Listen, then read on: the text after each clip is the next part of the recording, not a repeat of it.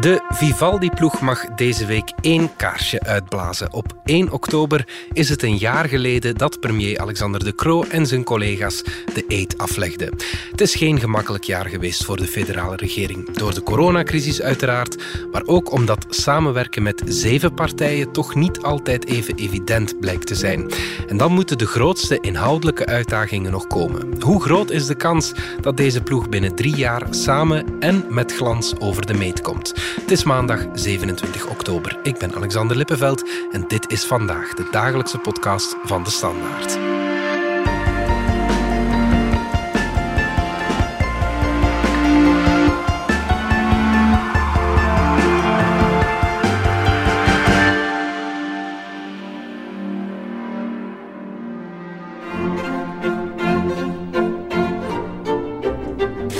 getrouwheid aan de koning. Je jure fidélité au roi. Fidélité au roi. Ik zweer getrouwheid aan de koning. Gehoorzaamheid aan de grondwet. Aan de grondwet. Obéissance à la constitution. Constitution. De loi du peuple belge. Aan de wetten van het Belgische volk. Van het Belgische volk. Zo klonk het een jaar geleden in het Koninklijk Paleis en het moet gezegd, al van bij haar eetaflegging doet deze federale regering niets anders dan crisissen bemeesteren van gezondheidscrisis over natuurrampen tot Afghanistan. Chef politiek Jan-Frederik Abeloos. Een echte droomstart kan je dat niet noemen natuurlijk. Hè? Het viel op dat het voorbije jaar uh, de regering van Alexander de Croo eigenlijk niet meester was van de eigen agenda. Nee, uh, ja. bij zijn uh, eetaflegging en bij de regeerverklaring Mhm. 2020, ja, dan zei de Croo bijvoorbeeld ons land kan zich geen nieuwe lockdown permitteren. Ja.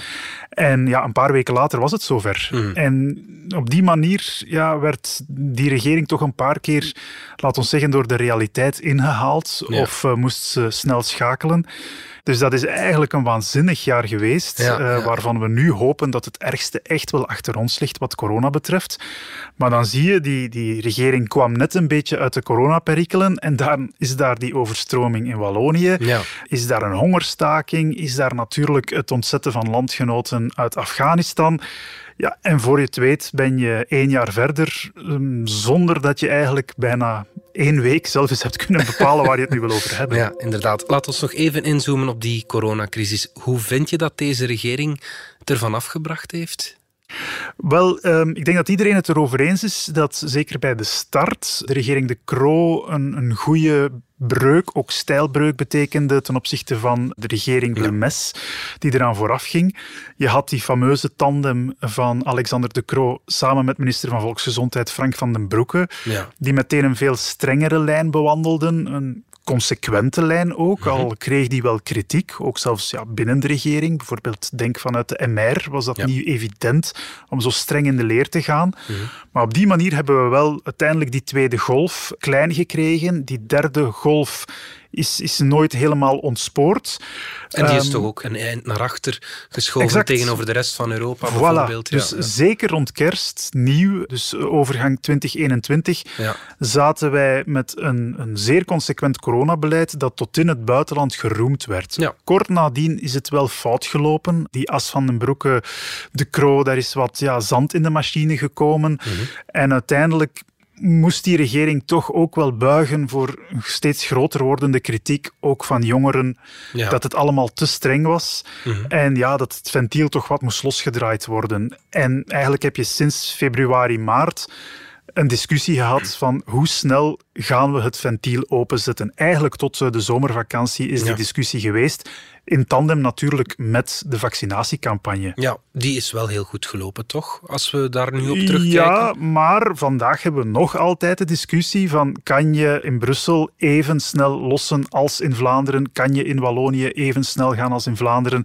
En hoe zetten we een coronapas in om die snelheid te gaan dicteren? Dus Ja. het blijft ook in de, de start van de crisis toch nog altijd een, een, een debat van, van remmen en gas geven Ja. en ja, daarin juist schakelen. En je voelt nu opnieuw in die staart van die crisis wel de, de spanning tussen verschillende ideologieën, vooral ook tussen verschillende gemeenschappen, taalgroepen eigenlijk. Hè? Ja, dat is iets dat uiteindelijk ook de kroon niet heeft langer kunnen verbergen, dat die ploeg van 11 miljoen Als we samen deze strijd voeren, als een team van 11 miljoen, we sterker staan. Ja, dat dat toch een verdeelde ploeg is geworden, waarbij dat je met name in Brussel met veel lagere vaccinatiecijfers zit en toch een groter deel van de bevolking dan misschien initieel uh, verwacht, dat, uh, dat zich niet laat, laat inenten. Mm. En uh, ja, dan is de vraag, hoe kan je dan nog spreken van een ploeg van 11 miljoen? Ja. is op dit moment een beetje moeilijk. Het valt wel op dat zijn toon veranderd is. We horen hem hier in het begin van zijn premierschap. Op dit kritieke moment moeten we elkaar meer dan ooit vasthouden. Met oog voor elkaars onzekerheden, twijfels en angsten. Een kleine twee weken geleden klonk hij een pak scherper. Deze epidemie is vandaag een epidemie aan het worden van de niet-gevaccineerden. Onze intensieve zorgen zijn eigenlijk vandaag een verzamelplaats aan het worden van mensen die niet gevaccineerd zijn. En dat kunnen we als samenleving niet aanvaarden.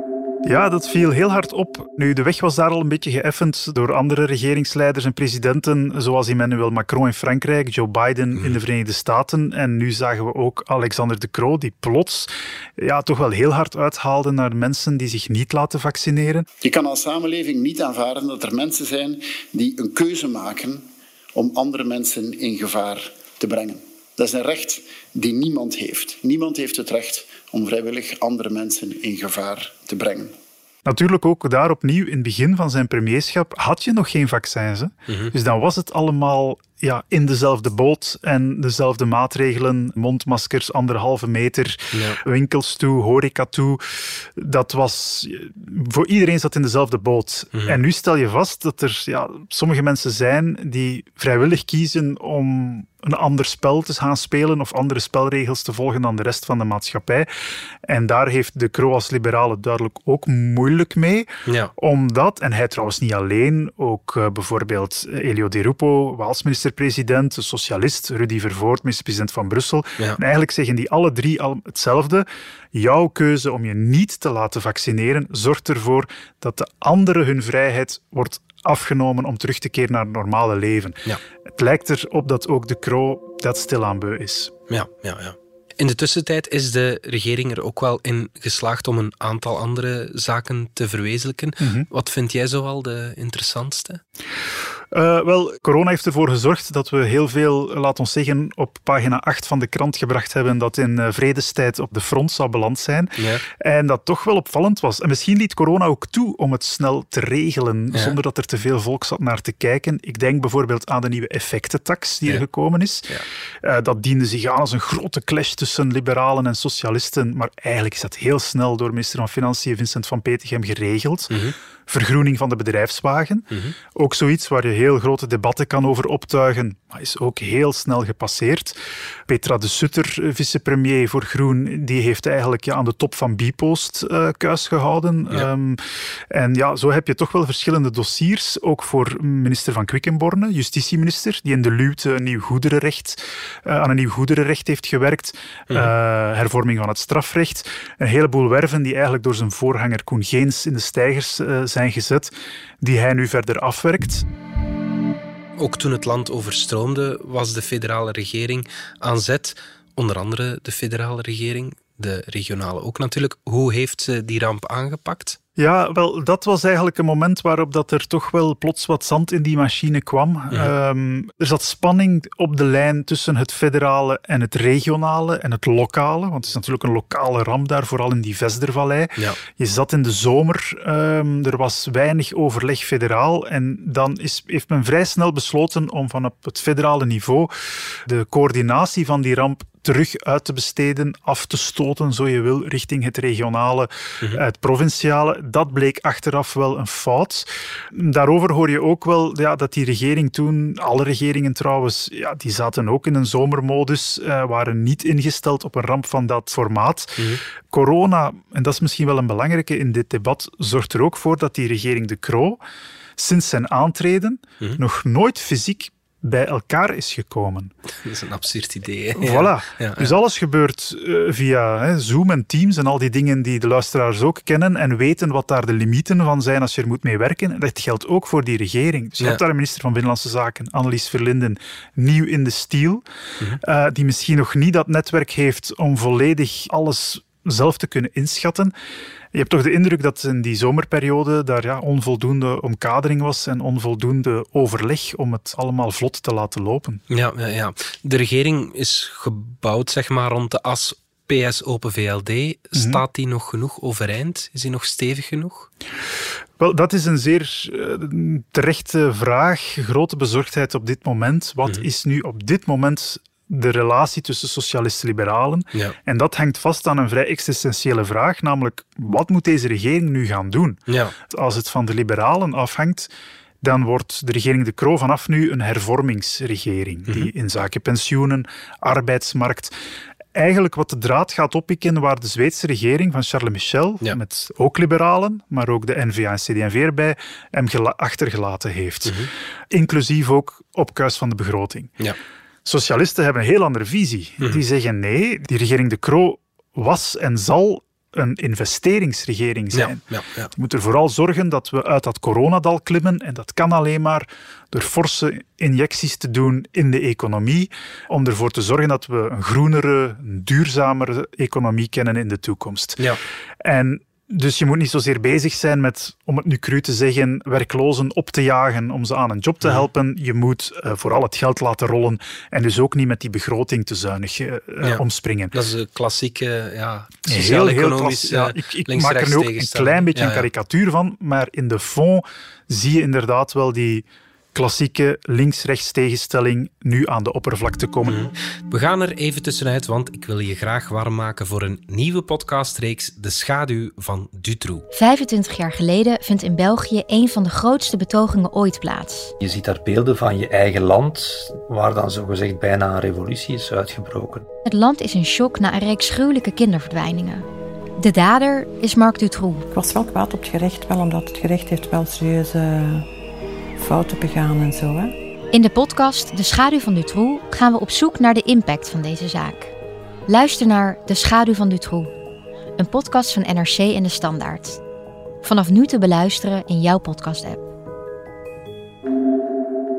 Terug naar de regering De Croo dan. Jan-Frederik, laat ons eens kijken naar een aantal heikele dossiers die nog op de plank liggen. Over pensioenen hebben we het in een vorige podcast al uitgebreid gehad. Dat Ja. laten we misschien even zo. Er is nog de kernuitstap. We hebben geen tijd meer te verliezen om de omslag te maken naar een duurzame energietransitie. We gaan dat op een ordentelijke manier doen, zowel technisch als sociaal. De toekomst, collega's, die creëren wij samen en die creëren wij vanaf vandaag. En daarvoor kijken we vooruit en daarvoor kijken we, blijven we niet steken in het verleden. Dat was federaal minister van Energie Tine van der Straten van Groen. Voor haar partij moet de kernuitstap ja, de kroon op het werk worden, maar die staat wat op de helling. Hè? Wel, sowieso in het regeerakkoord is voorzien dat die kernuitstap doorgaat, maar onder eh, bepaalde voorwaarden. En dat is dat op het moment dat we alle kerncentrales gaan sluiten, dat er wel voldoende vervangcapaciteit is, dat het licht niet uitgaat, dat is dan gas, en dat die vervangcapaciteit niet te duur is. Dus dat de prijs daardoor ook niet te hoogte ingaat. Ja. Daar is sinds kort eigenlijk een derde eh, voorwaarde aan gekoppeld. Dat is wat is het effect van een volledige kernuitstap op de klimaatdoelstellingen die we hebben. Ja. Omdat, net omdat je ze vervangt door gascentrales als Ja. reservecapaciteit. Die meer CO2 uitstoten. Hè? Voilà, en dan is de vraag, moet je toch niet twee kerncentrales nog open houden? De jongste, zogezegd de meest eh, stabiele. Ja.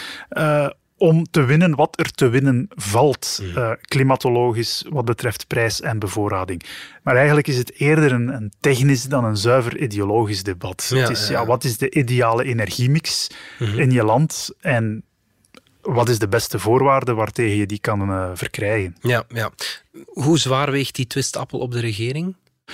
Wel, ik heb de indruk op dit moment minder dan sommige mensen misschien denken. Eh, ook omdat men nog ja, veel informatie moet inwinnen, die uiteindelijk zal bepalen wat het wordt. Je, voelt, allee, je hoort de groene excellenties in interviews ook zeggen van kijk, in het regeerakkoord staat dat we een volledige kernuitstap doen, tenzij het blijkt dat omwille van bevoorradingszekerheid of prijs er toch twee kerncentrales moeten open blijven. En recent is daar de vraag bij gekomen, wat is het klimaateffect van een volledige kernuitstap versus twee kerncentrales open houden.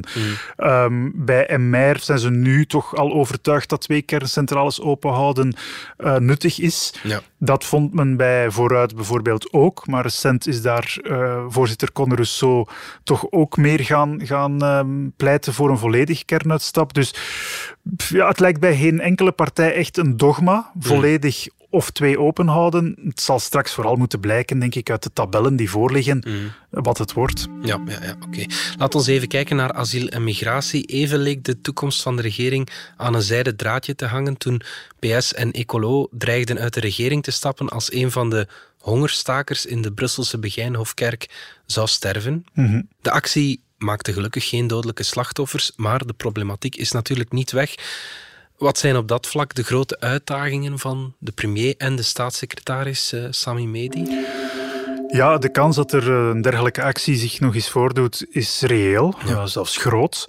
Um, ik denk het is op één manier op te lossen en dat is uh, door een, een, nieuw migratiewetboek te schrijven. Dat is al iets dat heel lang aan de orde is. Hmm. En Sami Medi maakt zich sterk dat hij de staatssecretaris zal zijn die nu eindelijk eens komt met een nieuw migratiewetboek met heldere regels over uh, aanvragen, criteria, duurtijd, terugkeerbeleid.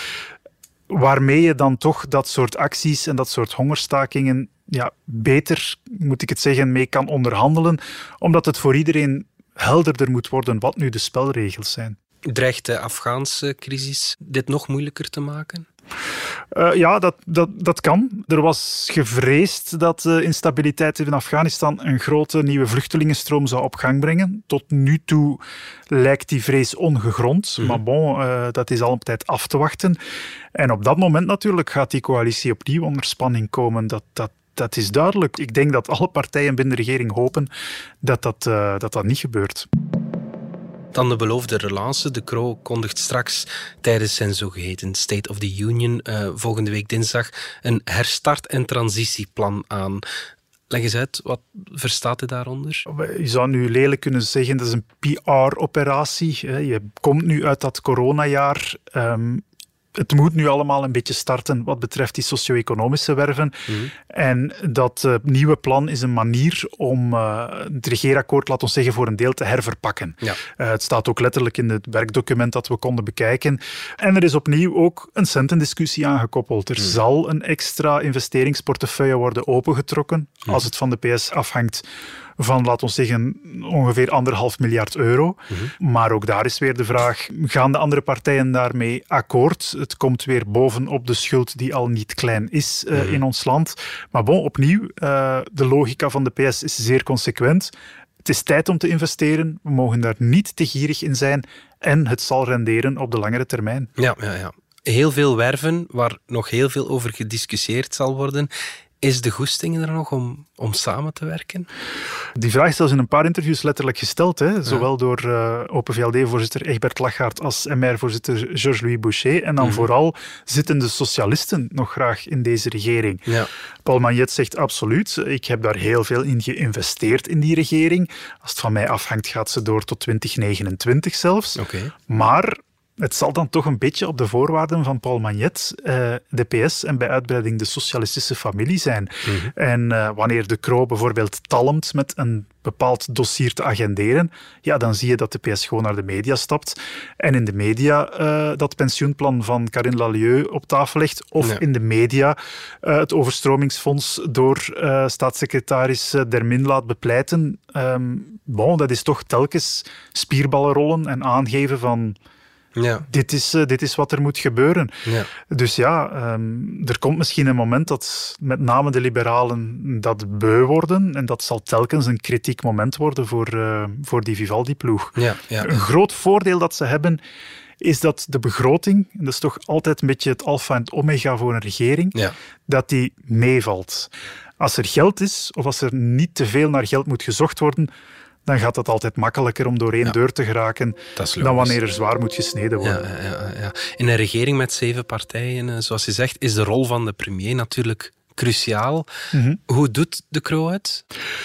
Uh, ook daar weer een evolutie. Hij begon met veel krediet. Mm -hmm. uh, hij heeft ook lang veel krediet gekregen. Binnen het kernkabinet was men volop voor De Croo. De manier waarop hij ook toch steeds die vier uh, politieke ideologieën kon verzoenen in een akkoord effectentax, hè, we hebben het al gezegd, bedrijfswagens, het loonakkoord ook. Zeker de eerste helft van het jaar ja. deed hij het goed, coronacrisis. En dan is er, uh, ja, is er een beetje in de zomer is de ploeg uit elkaar voor een deel toch wel uit elkaar gespeeld geraakt. En vanaf dat moment zag je dat de kritiek op de Croo wel wat begon te groeien. Opnieuw vooral toch uit socialistische hoek. Men vond dat hij te traag was om bepaalde zaken op de agenda te brengen, dat hij niet kon beslissen, dat hij zich liet ja, opjagen door de MR. Um, en dat men vond dat hij onvoldoende on top of things was, zoals men in het Engels zegt. Nu goed, dat wordt dan weer bij liberalen genuanceerd, dat ja, vooral de PS is die een beetje zenuwachtiger liep vanaf de zomer. Ja. Omdat ze natuurlijk met Afghanistan. Hè. Ze hebben de minister van Defensie, ja. Ludovine de Donder, maar natuurlijk ook met die overstromingen. Ja, dat dat voor de PS niet evident is, dat zij nu op vele fronten aan het eh, schaken zijn, mm -hmm. met een oprukkende PTB in de rug. Ja. En dat zij daardoor een beetje, beetje zenuwachtiger liepen. Maar, dus, hoe het ook draait of keert, iets waar de Kroo wel meer en meer rekening zal moeten mee houden. Ja. En hoe moeilijk is het voor de Kroo dat zijn voorzitter, Egbert Lachaert, soms zwaar uithaalt naar, uh, naar de PS? Dat is geen evidente. Mm. Die ook, denk ik, binnen de liberalen, uh, sorry, binnen Open VLD toch nog wel moet uitgeklaard worden. Mm. Maar het is eigenlijk constant drie banden tussen de Croo, Lachaert, maar dan de derde bal, dat is Georges-Louis Boucher. Ja, en hij is toch bal. vooral degene die bij drie banden begint met de eerste stoot. Ja. Hij is niet geremd, hij levert de premier niet. Mm. Hij doet heel forse uitspraken die Magnet uit de tent lokken. Uh, waardoor dat je ook in Vlaanderen liberalen hebt die vinden van zich, hè, die Georges-Louis Boucher, die zegt tenminste waar het op staat, waar is onze voorzitter? Dus ja, Egbert Lachaert die moet dan wat schakelen, kan niet altijd volle gas geven, want daar zit wel de Croo. Uh, en als Lachaert dan eens volle gas gaat, dan zeggen de socialisten, wat is dat er allemaal? Uh, de Croo die heel de tijd predikt, we moeten met elkaar overeenkomen, een ploeg van 11 miljoen, maar zijn eigen voorzitter zit wel uh, hier een skutraket af te vuren. Dus ja. dat is typisch voor een partij die de premier levert. En ook daar moet... De ja, ene spreekt voor de achterban, de andere voor uh, de rest van het land. Ja, maar dat ja. is natuurlijk een spreidstand die wel opvalt, hè, ook ja. voor de coalitiepartners. En uh, dat zal ook ja, iets moeten zijn waar Egbert Lachaert een zeker evenwicht moet in, in zien te vinden voor de rest van de legislatuur nog. Ja, ja, ja, een ploeg is natuurlijk zo sterk als de zwakste schakel. Dat weet de Kroo. Wie zijn de zwakke schakels in zijn regering? Wel, een groot risico voor hem zijn de, de sterke schakels en dat zijn die voorzitters. Hè. Dat is ja. um, ook een ongeschreven wet. Als de voorzitters zich beginnen te moeien ja. met de federale regering en met wat de premier moet doen, dan wordt het altijd link. De Croo die heeft eigenlijk zeker aan de Franstalige kant drie uh, schoonmoeders of vaders in dit geval, met Paul Magnet voor de PS, Jean-Marc Nollet bij Ecolo en Georges-Louis Boucher voor de MR. Mm -hmm. Die vechten alle drie om het marktleiderschap in Franstalig België, Brussel-Wallonië. Ja. En die zijn zeker niet te beduust om uh, nu en dan te zeggen wat die federale regering moet doen. Veel meer dan aan Vlaamse kant, waar men toch wat relaxer is. Ja. Uh, het zal zaak zijn voor de Croo om die voorzitters in hun kot te krijgen en te houden. Ja, de oppositie zit met andere woorden binnen de regering zelf. Ja, hoe zeggen ze dat in het Engels? Hè? Keep your enemies close. Nee, keep, keep your, your, friends keep close. your friends close, but keep your enemies closer. Het geldt ook een beetje in de politiek, toch? Goed, Jan-Frederik Abloos, dankjewel. Dit was vandaag de dagelijkse podcast van De Standaard. Bedankt voor het luisteren. Ken je trouwens DS Podcast al, de podcast-app van De Standaard? Daar luister je niet alleen naar onze journalistieke reeksen, je krijgt ook elke week een eigenhandige selectie van de beste nieuwe podcasts op de markt. Alle credits van de podcast die je net hoorde vind je op standaard.be podcast. Reageren kan via podcast.standaard.be. Morgen zijn we opnieuw.